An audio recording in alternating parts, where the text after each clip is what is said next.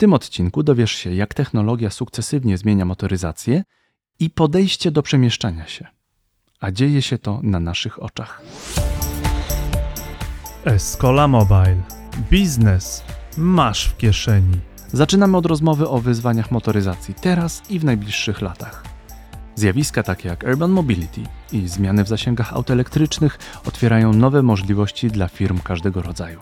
Od JDG do korporacji. Wyobraź sobie flotę autonomicznych pojazdów ułatwiających codzienne operacje Twojej firmy. Dojazd do klienta, transport towarów czy podróż na dłuższe dystanse. Czynników rozwoju jest wiele, ale można założyć, że elektromobilność będzie się tylko zwiększać i powoli umacniać swoją pozycję. Czy jesteśmy gotowi na zmiany? W tym odcinku porozmawiamy także o roli Polski w tym procesie. Dlaczego właśnie nasz kraj jest atrakcyjny dla biznesu motoryzacyjnego? To nie tylko dyskusja o motoryzacji, to jest przewodnik po nadchodzących zmianach, które mogą zdefiniować przyszłość Twojego biznesu. Subskrybuj podcast Escola Mobile, aby być na bieżąco z najnowszymi trendami i innowacjami. Dzień dobry, to jest Escola Mobile Live. Takiej gościni jeszcze u nas nie było. Doktor Ewa Łabno-Falencka z Mercedes-Benz. Cześć Ewa. Cześć, dzień dobry. Po takim wstępie może być tylko gorzej, ale bardzo dziękuję za takie miłe przedstawienie. Nie, myślę, że, że będzie cudownie. Ja Ewie zawdzięczam e, pewien bardzo dla mnie ważny komplement, bo już w 2018 roku e, kiedyś zdarzyło mi się opowiadać, jak działa sztuczna inteligencja i Ewa powiedziała, ale mi to wytłumaczyłeś, w końcu zrozumiałam, na czym polega sztuczna inteligencja. To było 5 lat temu i od tego czasu parę razy się z Ewą widzieliśmy, rozmawialiśmy o nowoczesnym transporcie i pomyślałem, że twoja wiedza musi też pójść szerzej w świat, więc y, bardzo się cieszę, że zgodziłaś się przyjąć zaproszenie do Escola Mobile. Cała przyjemność po mojej stronie. No to słuchaj, zacznijmy może od tego, czym ty się zajmujesz w Mercedesie i w jakim e, etapie, że tak powiem, tego życia jesteśmy. Jakbyś mogła zdefiniować nam środowisko, powiedzmy, motoryzacyjne, e, ponieważ jest, jesteś pierwszą gościnią z tej, z tej branży w Escola Mobile. Na jakie wyzwania stoją, stoją przed twoją marką i przed branżą szerzej? E, ja w Mercedesie pracuję ponad 20 lat. 15 lat spędziłam w sprzedaży i komunikacji marketingowej. Natomiast od kilku lat, siedmiu, ośmiu lat, jestem odpowiedzialna za nowe inwestycje Mercedesa w Polsce, czyli konkretnie za fabrykę, w tym momencie prawie dwie fabryki i kroi się trzecia na Dolnym Śląsku w Jaworze. Mm, Mercedes inwestuje tam w produkcję jako marka jesteśmy na rynku od 97 roku, ale tak jak wspomniałam, to była sprzedaż, to był leasing, to były mm, usługi finansowe, około sprzedażowe, to było centrum logistyczne, potem budowaliśmy sieć dealerską. To wszystko nie istniało w Polsce po demokratycznym przewrocie po 89 roku.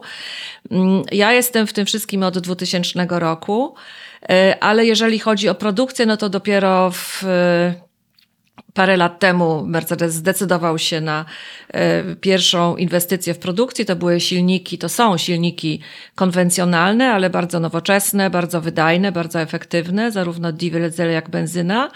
Mm, I te produkujemy od 2019, a rok później otworzyliśmy e, produkcję baterii mm, PB i EB, to pewnie Państwo nic nie mówią, ale EB to są e, baterie do samochodów czysto elektrycznych, a PB to jest plug-in hybrid.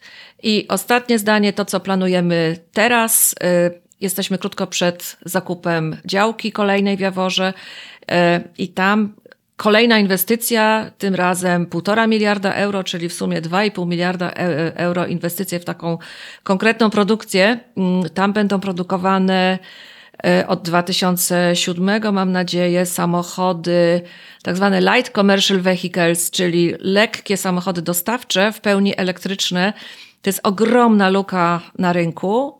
E, no bo już wiemy teraz, że miasta wprowadzają nie tylko strefy, duże miasta europejskie, nie tylko e, strefy czystego transportu. Notabene Warszawa od lipca przyszłego roku, wielka dyskusja jest tutaj u nas w stolicy.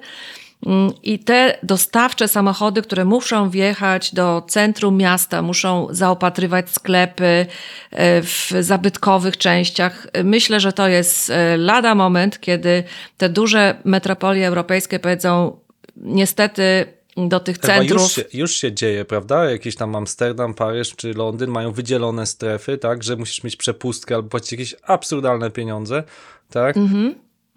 I to myślę, że to za do końca dekady to to będzie absolutnie uzus y, w dużych miastach. Zresztą słusznie, bo to nie tylko zanieczyszczenie powietrza, ale również hałas, korki i tak dalej, i tak dalej. Te wszystkie uciążliwości, z którymi się borykają warszawiacy i wrocławianie. Notabene ostatnio wyczytałam, że we Wrocławiu średni mieszkaniec stoi w korkach 8 godzin miesięcznie. To nie ja, na szczęście. Średni, na ty nie jesteś średni. Czyli ktoś siedzi 16. Ale, ale wiesz, to czy mówisz pewnie część osób, która nas słucha, od razu otwiera im się scyzoryk w kieszeni. Jejku, zablokują samochody. Ale ja pamiętam i widać to na zdjęciach historycznych, że na rynku we Wrocławiu, na rynku w Krakowie, pół wieku temu stały samochody, wjeżdżały, jeździły po nim, nie było. I to się cały czas zmienia. Dlaczego? Bo samochodów jest coraz więcej. I chyba, jeśli ty pewnie znasz tą statystykę lepiej niż ja, że w Polsce jest więcej aut na mieszkańca niż w Niemczech.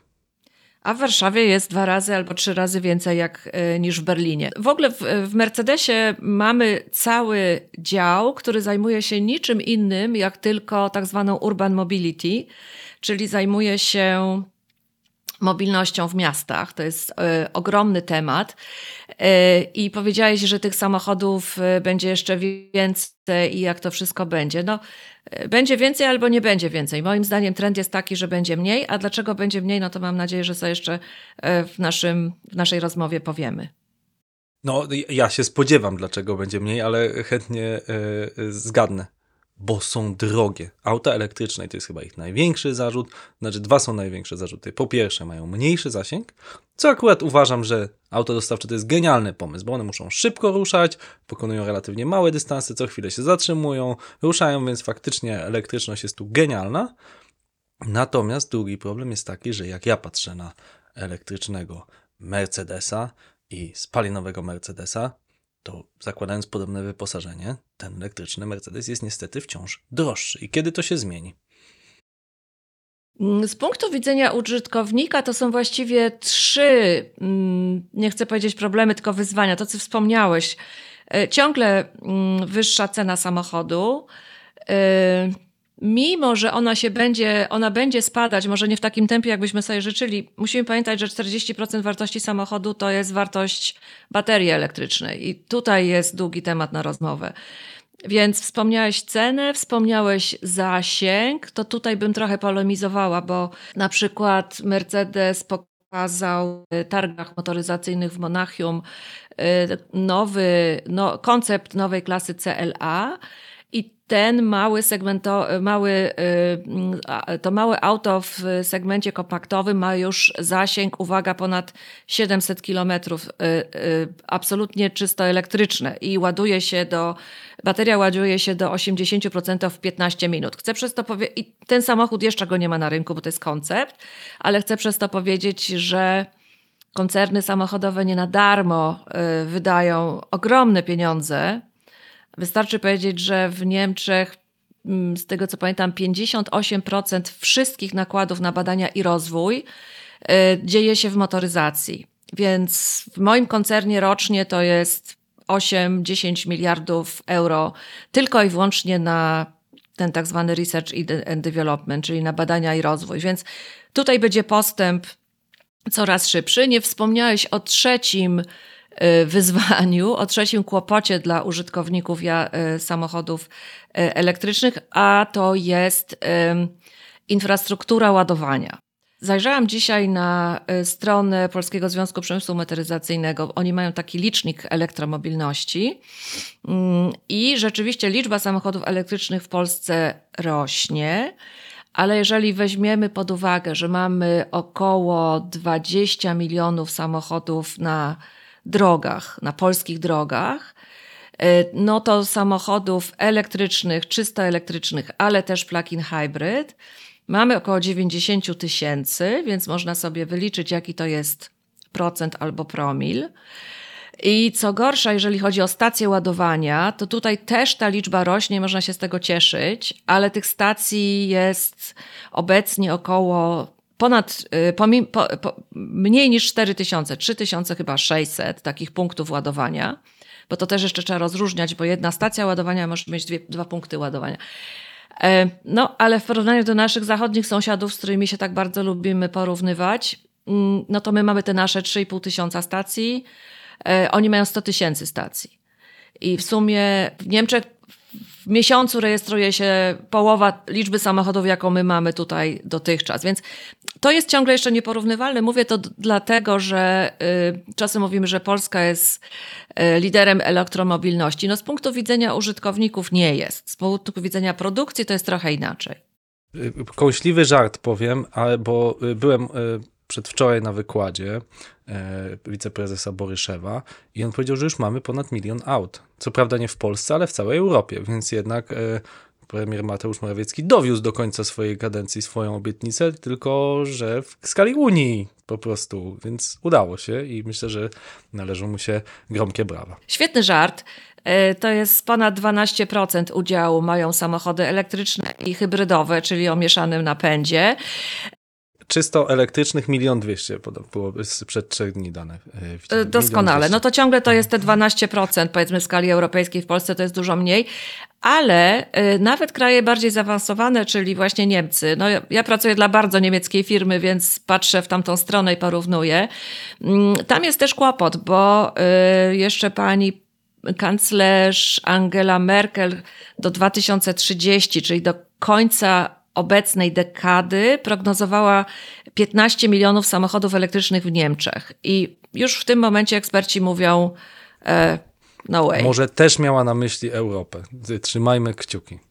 E, Europejscy przywódcy, chcesz powiedzieć. Okej, ale porozmawiajmy właśnie o wyzwaniach, bo powiedziałaś trzy, czyli pierwsze cena, 40% to są baterie, dwa e, to jest e, zasięg i mówisz, że już tu jest coraz lepiej, ale no doprecyzujmy, bo z tego ludzie śmieszkują bardzo mocno, to jest ten WLTP i to jest e, niestety chyba w przypadku silników elektrycznych jeszcze większy problem, bo ja jeżdżę e, te- też niemieckim samochodem z grzeczności, nie powiem jakiej marki i e, i co? On ma zasięg też teoretyczny, że spala tam 7 litrów, no ale przy prędkości autostradowej czy w mieście spala tam 8-9, czyli tam rośnie 20%, czy w mieście to będzie pewnie 10%.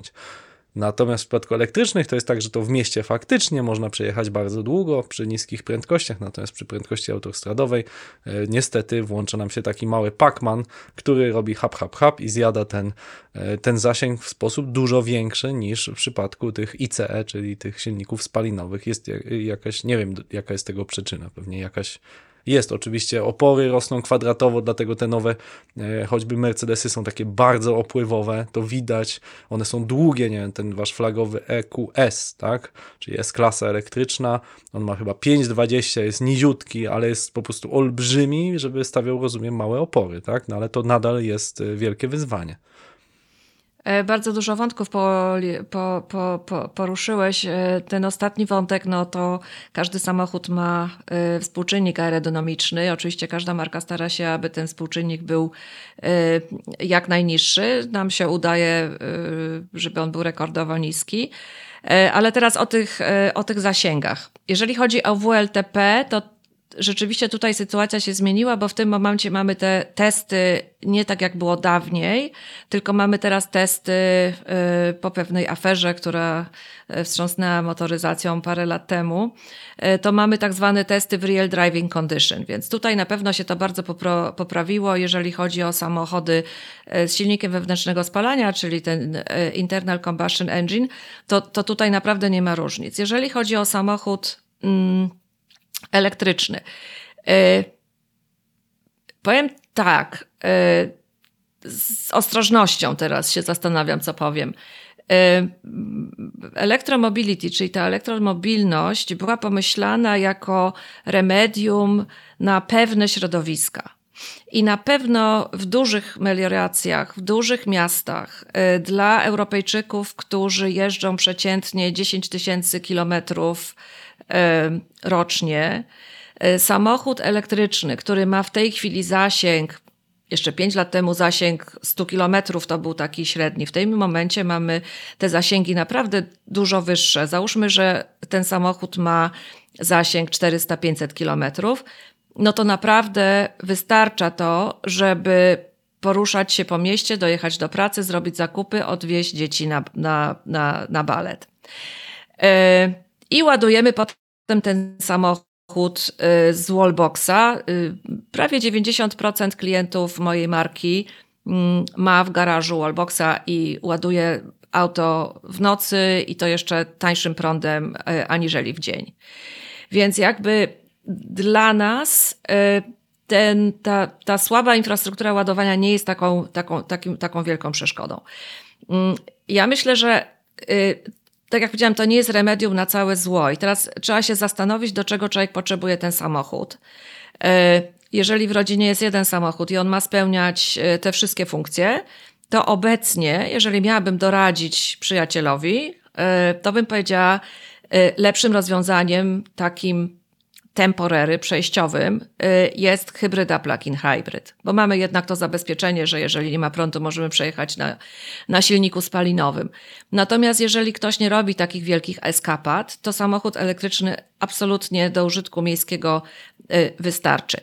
Ty powiedziałeś o autostradzie. No właśnie, to jest dokładnie ten y, przypadek. Był taki test, mm, pamiętam, Dwie marki jechały, to już nie będę mówić jakie, y, z wschodniego na zachodnie wybrzeże mm, w Stanach Zjednoczonych. Jeden to był konwencjonalny silnik, druga hybryda. I okazało się, że per saldo y, zużycie y, paliwa, zużycie prądu i tak dalej, i tak było takie samo.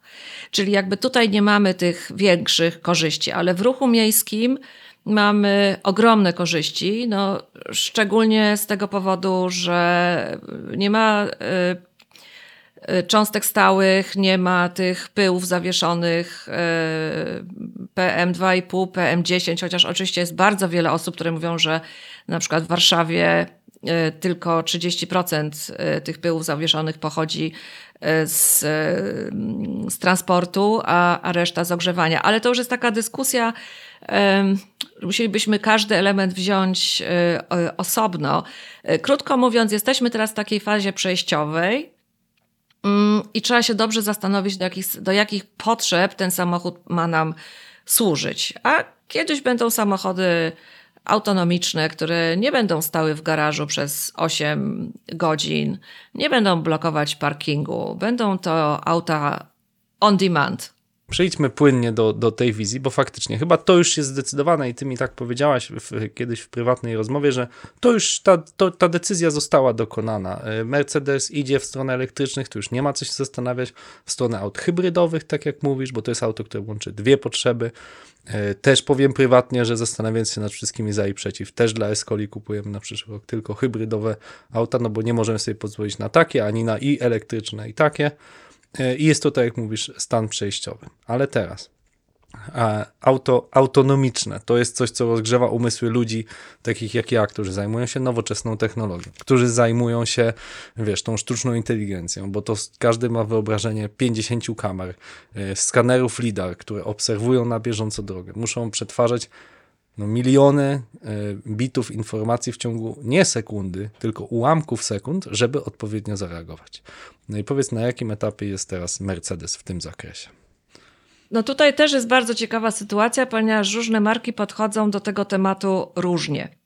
My prowadzimy badania na temat e, samochodów autonomicznych. E, to pewnie się zdziwisz, ale od połowy lat 80. E, był taki projekt, mm, on się nazywał Prometeusz, e, gdzie zaangażowane było kilka podmiotów. E, Mercedes był tym głównym samochodowym podmiotem. Tam był też Uniwersytet Maksymiliana w Monachium i były jakieś czynniki, delikatnie mówiąc, wojskowe. I to jeszcze był czas zimnej wojny. I pamiętam wtedy, że tym projekcie y, klasa S to była wtedy W140, naszpikowana kamerami, czujnikami i tak dalej. Przejechała chyba z Monachium do Kopenhagi w trybie prawie, prawie autonomicznym. Oczywiście kierowca y, musiał być, bo tutaj mamy jeszcze y, sytuację prawną i tak dalej, i tak dalej. I to był 1985 albo 6 rok z tego, z tego co pamiętam. Chcesz powiedzieć, Ewa, że pierwszy y, taki samochód przejechał kilkaset, tak, s- s- kilometrów Monachium Kopenhaga, no to jest. w roku, w nie wiem, którym ja się tysiąca- urodziłem, tak, w 86. To jest nie do wiary to, co mówisz, czyli jakby tą technologię już trochę mamy, tak, mimo ruchu. Wiesz co, bo co to znaczy technologie? No mamy czujniki, mamy wizjery, mamy kamery, e, mamy lidary, tak jak powiedziałeś, czyli takie laserowe skanowanie mm, otoczenia. Notabene tu jest bardzo ciekawa Toyota, e, nie Toyota, przepraszam, e, Tesla, która nie stosuje lidarów, jak wiesz. Oni uważają, że jest to nieefektywna technologia. E, Oni stosują różne inne rzeczy. To jest swoją drogą niezwykle ciekawe, ponieważ oni uważają, że każdy samochód Tesli na drodze, który jest skonektowany, brzydko mówiąc, czyli połączony, connected cars, czyli car to car, car to infrastructure, car to driver, że jakby te samochody, kiedy one są e, w całej sieci ruchu drogowego, one wzajemnie są dla siebie jakby źródłem danych. E, To na ten temat pewnie jakbyś zaprosił kogoś z Tesli, to by ci e, e, lepiej opowiedział. W każdym razie, jeżeli chodzi o Mercedesa, my stosujemy rzeczywiście e, to skanowanie laserowe. I teraz tak, wspomniałam o 85. W którym roku się urodziłeś? W 86. 86. No to być może to było w 86. Em, W 2013 roku, pamiętam, y, na targach we Frankfurcie pokazywaliśmy pierwszą automaty- y, autonomiczną klasę S. To była S500 Hybrid, to się nazywało Intelligent Drive. I ten samochód przejechał wtedy 108 km w trybie czysto autonomicznym. Y, Notabene przejechał taką trasę historyczną z Pforzheim do Mannheim, którą e, w 1886 roku chyba przejechała, e, o- 88 roku przejechała Berta Benz. To była ta pierwsza taka jazda, y, żeby pokazać, że, że, że samochód pod koniec XIX wieku to nie jest tylko potwór, ale że też służy y, do transportu. I y, ta pierwsza inteligentna klasa S to wzbudziło wtedy niesamowite mm, zainteresowanie na targach, ponieważ ten, to auto pokonało w trybie autonomicznym nie pamiętam, 20 skrzyżowań, skrzyżowania z torowiskami, drogi rowerowe. No ta infrastruktura drogowa w Niemczech jest bardzo gęsta. To jeszcze było w Badeni Wirtembergi, więc to jest jeden z najbardziej rozwiniętych krajów związkowych. Mm, I tak jak mówię, to było 2013. Wszystkie firmy pracują y, nad y, motoryzacją autonomiczną.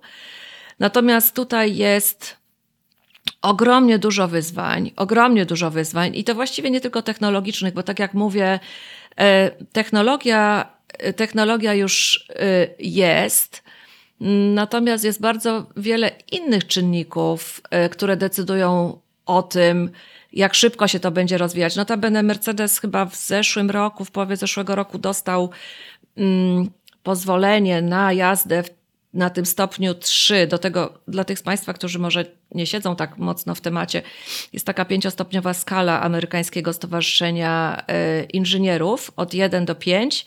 Jeden to jest e, samochód bez żadnych systemów wspomagania.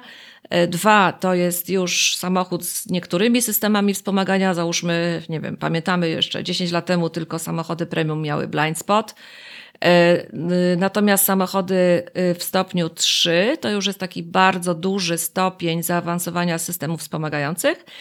Mm, Jako marka dostaliśmy to pozwolenie w zeszłym roku y, na Europę, e, w tym roku na Stany i teraz kolejna, druga zacna niemiecka marka chyba e, też do końca roku powinna dostać to pozwolenie na jazdę w stopniu 3. Ale mm, tak się zastanawiam, bo na, nasza audycja nie jest o historii, ale Może cię ukierunkuję, bo wiesz, wydaje mi się, że chyba w Europie jest jeden problem, jeśli chodzi o te rzeczy. I to wydaje mi się jest też problem niemieckiej, między innymi myśli technologicznej, motoryzacyjnej. Bo wychodzi Elon Musk i on mówi o tych autach e, e, autonomicznych od 10 lat, co najmniej. E, Gość mówi, jakby je mieli. Oczywiście cały czas możesz kupić, bo, bo, bo możesz kupić na Tesli, że ty będziesz miał tą w pełni autonomiczną jazdę za 40 tysięcy, gdzie ona nie jest w pełni autonomiczna. Dalej oczywiście musi być kierowca i tak dalej, i tak dalej. I y, jak to jest? W sensie, jakbyś miała porównać się do, do tego, czy to jest problem, że tak powiem, że to jest niewystarczająco wypromowane, czy to jest problem jakichś eu- europejskich regulacji? Gdzie jest problem, że wszyscy mówią, jak myślą autonomiczna jazda, to myślą Tesla, jak myślą Adidasy, to myślą firma Adidas. Jakby gdzie tu popełniono błąd? Czy to jest błąd PR-owy, czy faktycznie technologiczny? Przypomina mi się powiedzenie takiego pioniera sztucznej inteligencji, e, chyba w Polsce trochę zapomnianego. On się nazywa Marvio, e, Marvin Limańsk, e, Miński. To jest człowiek, który założył ten słynny Media Lab na MIT. I on kiedyś powiedział swoim ludziom, że trudność nie leży tam, gdzie wam się wydaje, że ona leży. Że pozornie łatwe rzeczy są, są dużo trudniejsze. On e, zresztą, to, to nie jest jakiś tam e, pionier sztucznej inteligencji, to jest człowiek, który w 1951 roku zbudował pierwszy symulator sieci neuronowej.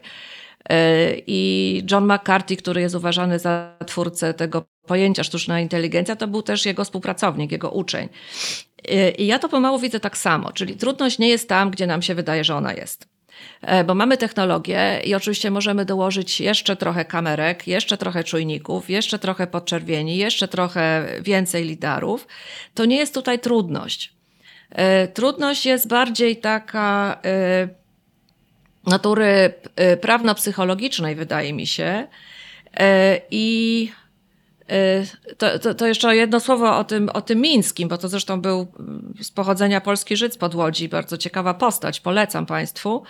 Mm, On napisał taką książkę Society of Mind, ale e, on łączy takie naukowe pragnienie wiedzy, to co wszyscy chcemy, takie naukowe pragnienie wiedzy z takim dążeniem do prawdy i do, e, do public good. Ja wiem, że to brzmi trochę patetycznie i tak trochę oderwanie, ale to nie jest oderwane, prawda? E, Ponieważ jeżeli chodzi o tą, automaty- e, o tą autonomous driving, no to wyobraź sobie, że ona dramatycznie, jeżeli samochody będą autonomiczne, to nie będzie tak, że będziesz miał w garażu samochód autonomiczny. Ty wtedy w garażu nie będziesz miał w ogóle samochodu. E, Ponieważ te samochody zredukują dramatycznie liczbę tego indywidualnego transportu, prawda? Bo ty jadąc dzisiaj wieczorem do teatru z żoną, jedziesz do opery, tam y, zostawiasz samochód, idziecie na Rigoletto albo na jakiś inny spektakl i po czym przyjeżdżacie do domu. Mm, Jeżeli będzie jazda autonomiczna, no to zawołasz sobie ten samochód, on po ciebie przyjedzie. W międzyczasie, jak ty oglądasz Rigoletto i słuchasz, to on obsłuży 20 innych y, potencjalnych pasażerów.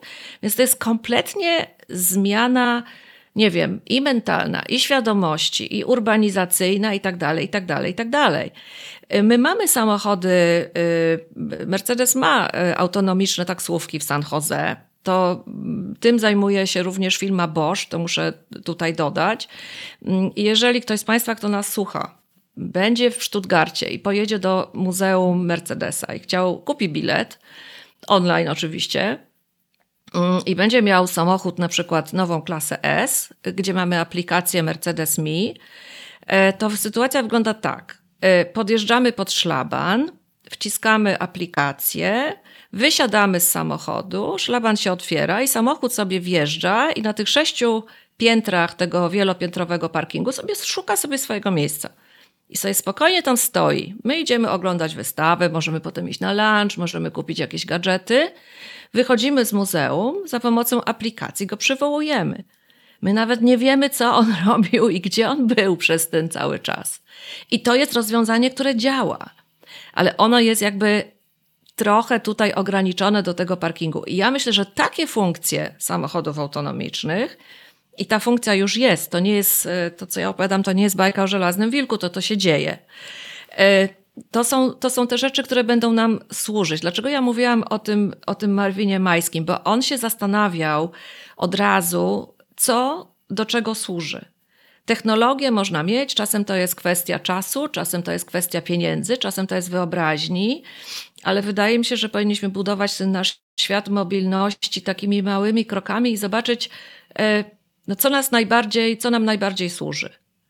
Notabene z aplikacji Mercedes Mi możesz też y, dojeżdżając do garażu y, w swoim domu, wysiąść z samochodu i też za pomocą aplikacji zaparkować ten samochód y, w garażu. Więc to są wszystkie rozwiązania, to jest ten, ten trzeci stopień jakby jazdy autonomicznej. Natomiast to, o co ty pytasz, no to pewnie jest ten piąty stopień.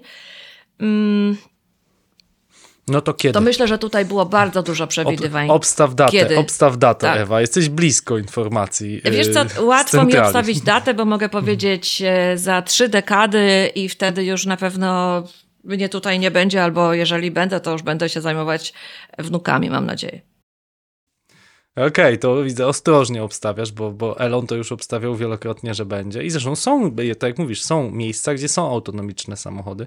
Ale dobra, muszę cię jeszcze jedną rzecz zapytać, trochę y, mniej y, optymistyczną, bo europejska gospodarka, a szczególnie jak czytam, jest na takiej stagnacji właściwie po-covidowej, a już w ogóle odczyty PMI, czy moje wizyty ostatnie w Niemczech, byłem w tym roku w Berlinie y, na, na dużej konferencji, no są wow, smutno tego słuchać. W sensie PMI chyba, czyli czynniki, nazwijmy to optymizmu przedsiębiorstw są w okolicach 40, bardzo nisko, czasami nawet poniżej.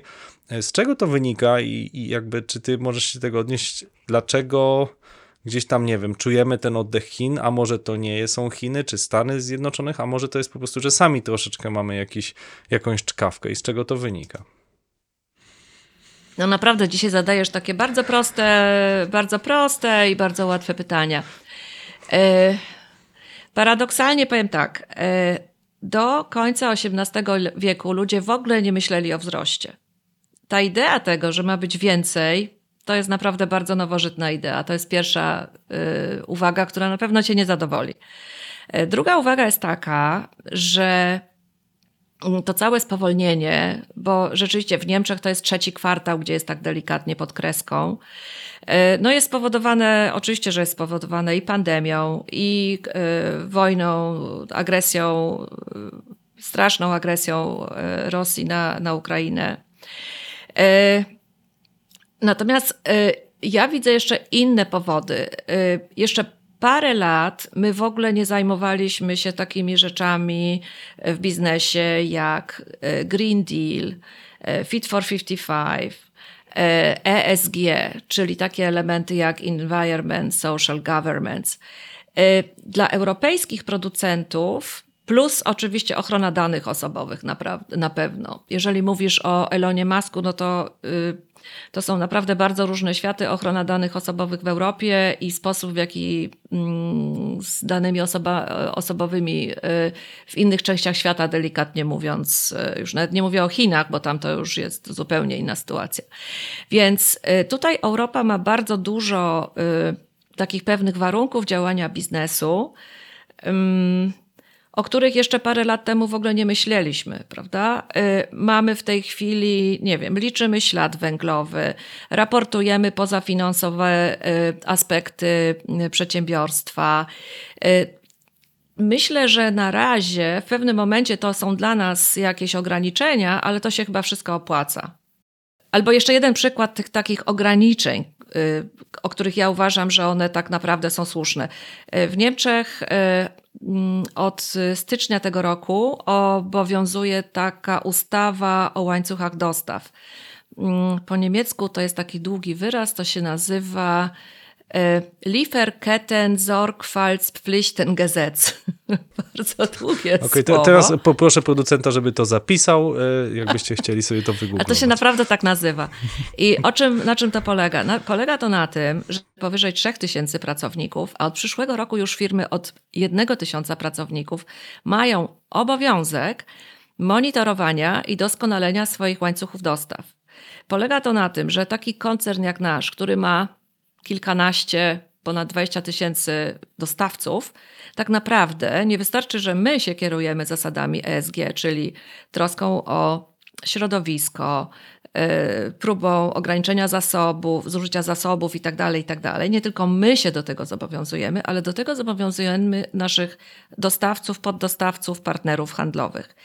Och. Oni muszą podpisać w wypadku Mercedesa coś, co się nazywa ambition, letter of ambition, Oczywiście dajemy im czas, ale mają czas do 2039, ponieważ do tego momentu Mercedes będzie miał, uwaga, nie tylko y, produkcję, która jest y, CO neutral, bo taką produkcję w Europie mamy już. Wszystkie fabryki Mercedesa jadą, Wow. że tak powiem, na zielonej energii. Wow. Mhm. Ale również cała nasza flota będzie elektryczna. I mówimy, że jeżeli warunki rynkowe pozwolą, to my właściwie jesteśmy gotowe już 20, gotowi 2030, prawda? Ale dlaczego jeszcze wspomniałam o, tej, mm, o tym kontrolowaniu łańcucha dostaw?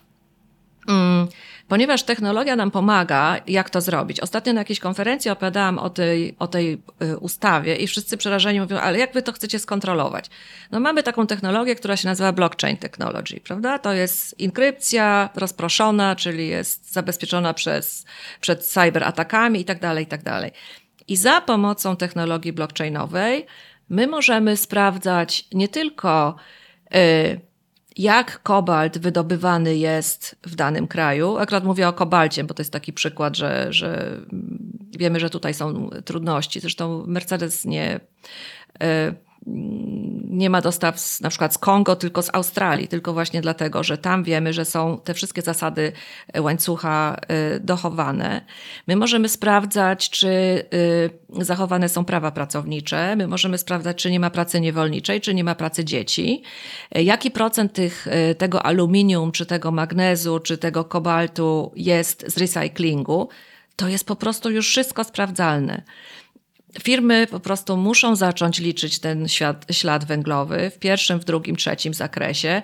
E, Trudno, bo my nie chcemy uratować planety, tak naprawdę my chcemy uratować siebie, prawda? Bo jeżeli temperatura wzrośnie na planecie, to Ziemia istnieje od 4,5 miliardów lat, jak wiadomo, i człowiek jest na niej od 300 tysięcy, więc to jest naprawdę jak róg skrzydeł motyla i Ziemia sobie bez nas poradzi, ale my sobie nie poradzimy w naszych warunkach. Y, Ja wiem, że to tak brzmi globalnie, że tak do końca o tym y, nie myślimy, no ale zmiany pogody już mamy, prawda?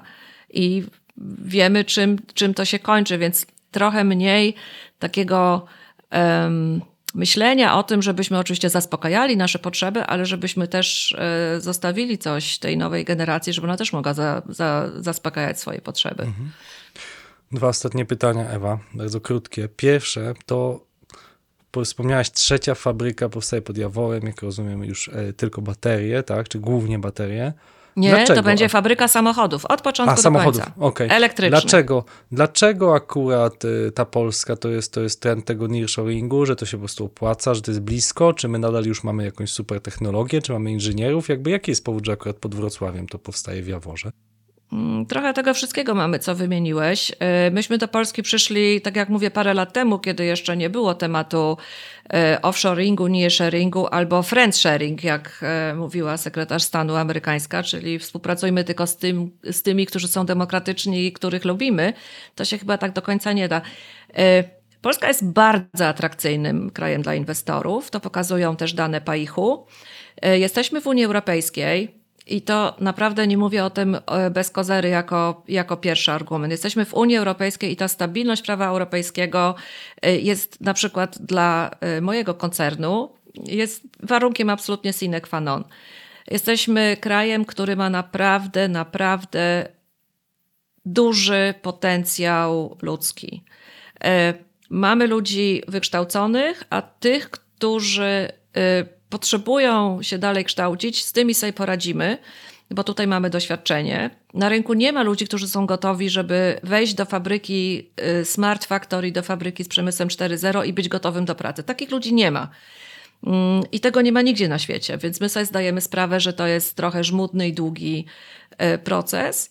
Mm, Poza tym y, jesteśmy bardzo dobrze skonektowani, chociaż ta wasza A4 to się po prostu już dusi. To jest naprawdę takie wąskie gardło. Y, W tej chwili nasza fabryka w Jaworze jest przy y, drodze szybkiego ruchu S3, więc to jest też fajne, tylko że to jest kierunek północ-południe, a nas, nas bardziej interesuje y, kierunek wschód-zachód. No bo na przykład obecnie 100% eksportu idzie do innych fabryk Mercedesa na świecie. Jeżeli chodzi o tą nową fabrykę, no to też będzie 95% to jest eksport, a 5% na, y, na rynek wewnętrzny. No to jest niezwykle podniecający pro, y, projekt, strasznie trudny, e, bardzo trudny. Są jakby tematy, które w ogóle jakby przy tej pierwszej inwestycji było, no ona była dużo, sporo mniejsza, ale z tym wszystkim sobie poradzimy i na koniec, to może cię zdziwi albo państwa zdziwi, mm, naprawdę mamy ogromną, ogromną pomoc e, we władzach e, lokalnych, e, w tych wszystkich agencjach, w związkach pracodawców. Nie mamy żadnych protestów. Ja myślę, że to jest trochę zasługa tego, że oczywiście prowadzimy taki transparentny dialog też z tą local community, ale to znowu wracamy do ESG, prawda? My informujemy ludzi, co tutaj będzie. I tym, w tym momencie już nie ma pola do spekulacji. E, Wszyscy mniej więcej wiedzą, czego się spodziewać. Znaleźliśmy mm, prawie 2000 ludzi do pracy w Jaworze. Y, Myślę, że absolutnie jest potencjał, y, żeby znaleźć też kolejnych. I ostatnie moje słowo. Jawor jest absolutnym fenomenem w skali e, światowej sieci produkcji Mercedesa, ponieważ e, o ile w innych fabrykach mamy udział kobiet e, na poziomie 15%, w Jaworze mamy, uwaga, 49%. Nie ma takiej wow. drugiej fabryki na świecie. No, no Ewa, no to wielka pochwała dla ciebie. E, Nie, to bo- jest pochwała dla nas wszystkich, którzy żeśmy po prostu znaleźli potencjał i potrafimy e, pracować i to jest ogromna szansa dla kobiet i młodych i w średnim wieku. Robimy dużo projektów. Ja jestem bardzo dumna z projektu, który się nazywa Girls Go Technology. Dziewczyny oswajają technologię i naprawdę tą drogą wydaje mi się, że Polska jest bardzo atrakcyjna dla inwestorów, a jeszcze jak obudzimy ten śpiący potencjał kobiet, to to już naprawdę będzie Eldorado. Ostatnie pytanie. Motoryzacja w 2030 roku, jakbyś miała powiedzieć, czym ona będzie, czego możemy się spodziewać? Wiesz co, będzie trochę tak samo, tylko bardziej. E, tak jak powiedziałam, moja firma będzie już gotowa do tego, żeby w każdym segmencie ofero- zaoferować Ci samochód e, elektryczny. Mm, Myślę, że ceny samochodów, e, tych konwencjonalnych wewnętrznego spalania i samochodów elektrycznych będą już bardzo zbliżone. Eksperci mówili, że to miało być zbliżone już 25, czyli jutro. To mi się wydaje, że to troszeczkę jeszcze dłużej potrwa. E, Natomiast e, zwiększy się bezpieczeństwo na drodze dzięki temu, że te samochody mają coraz więcej takich e, systemów wspomagania kierowcy. No i cóż jeszcze? Nie wiem, jak będzie. Ciekawe jest pytanie z tą sharing economy, prawda? No bo tutaj nam pandemia trochę załamała tą tendencję. Nie mam tutaj danych. My mieliśmy Car2Go, taką e, taką nogę e, do dzielonej mobilności i stwierdziliśmy jednak, że sami sobie z tym nie poradzimy, oddaliśmy to w tej chwili. E, Myślę, że to jest taki temat, który był trochę za wcześnie, to trochę jak z tym smartem elektrycznym, którego Mercedes wprowadził w 2006 roku i to jeszcze nie był ten czas. Może tak jak jest w Biblii powiedziane, że każda rzecz ma swój czas. To było za wcześnie. Okej. Dziękuję Ci bardzo, Ewo, za podzielenie się Twoją wiedzą w Escola Mobile. Mi się wydaje, że to było bardzo ciekawe rozpoczęcie tego tematu i mam nadzieję, jeszcze do niego wrócimy wraz z rozwojem tych tematów autonomicznych samochodów, AI, tego, jak, jak to wszystko budować, elektryfikacji całej infrastruktury. No i mam nadzieję, że w przyszłym roku już będziemy na lepszych nastrojach też ekonomicznych. Dzięki, Ewa. Dziękuję bardzo. Escola Mobile. Biznes masz w kieszeni. Dziękujemy za Twój czas i za to, że spędziłeś go z nami. Do podcastu zapraszamy najlepszych, najciekawszych ludzi z ogromną wiedzą. Wyciągamy tę wiedzę, nagrywamy i dzielimy się z Tobą. Dzięki temu możesz zainspirować się do rozwoju, zmiany albo po prostu posłuchać o czymś niezwykle ciekawym. Jeśli ten podcast dał Ci wiedzę, prosimy podziel się nim z innymi. Dzielenie się wiedzą zwiększa jej ilość. Dlatego udostępnij ten odcinek na LinkedInie, X bądź Facebooku albo opowiedz o nim swoim znajomym. To był 166 odcinek podcastu Escola Mobile. Gościliśmy Ewę Łabno-Falęcką, rozmawialiśmy o przyszłości motoryzacji. Do usłyszenia.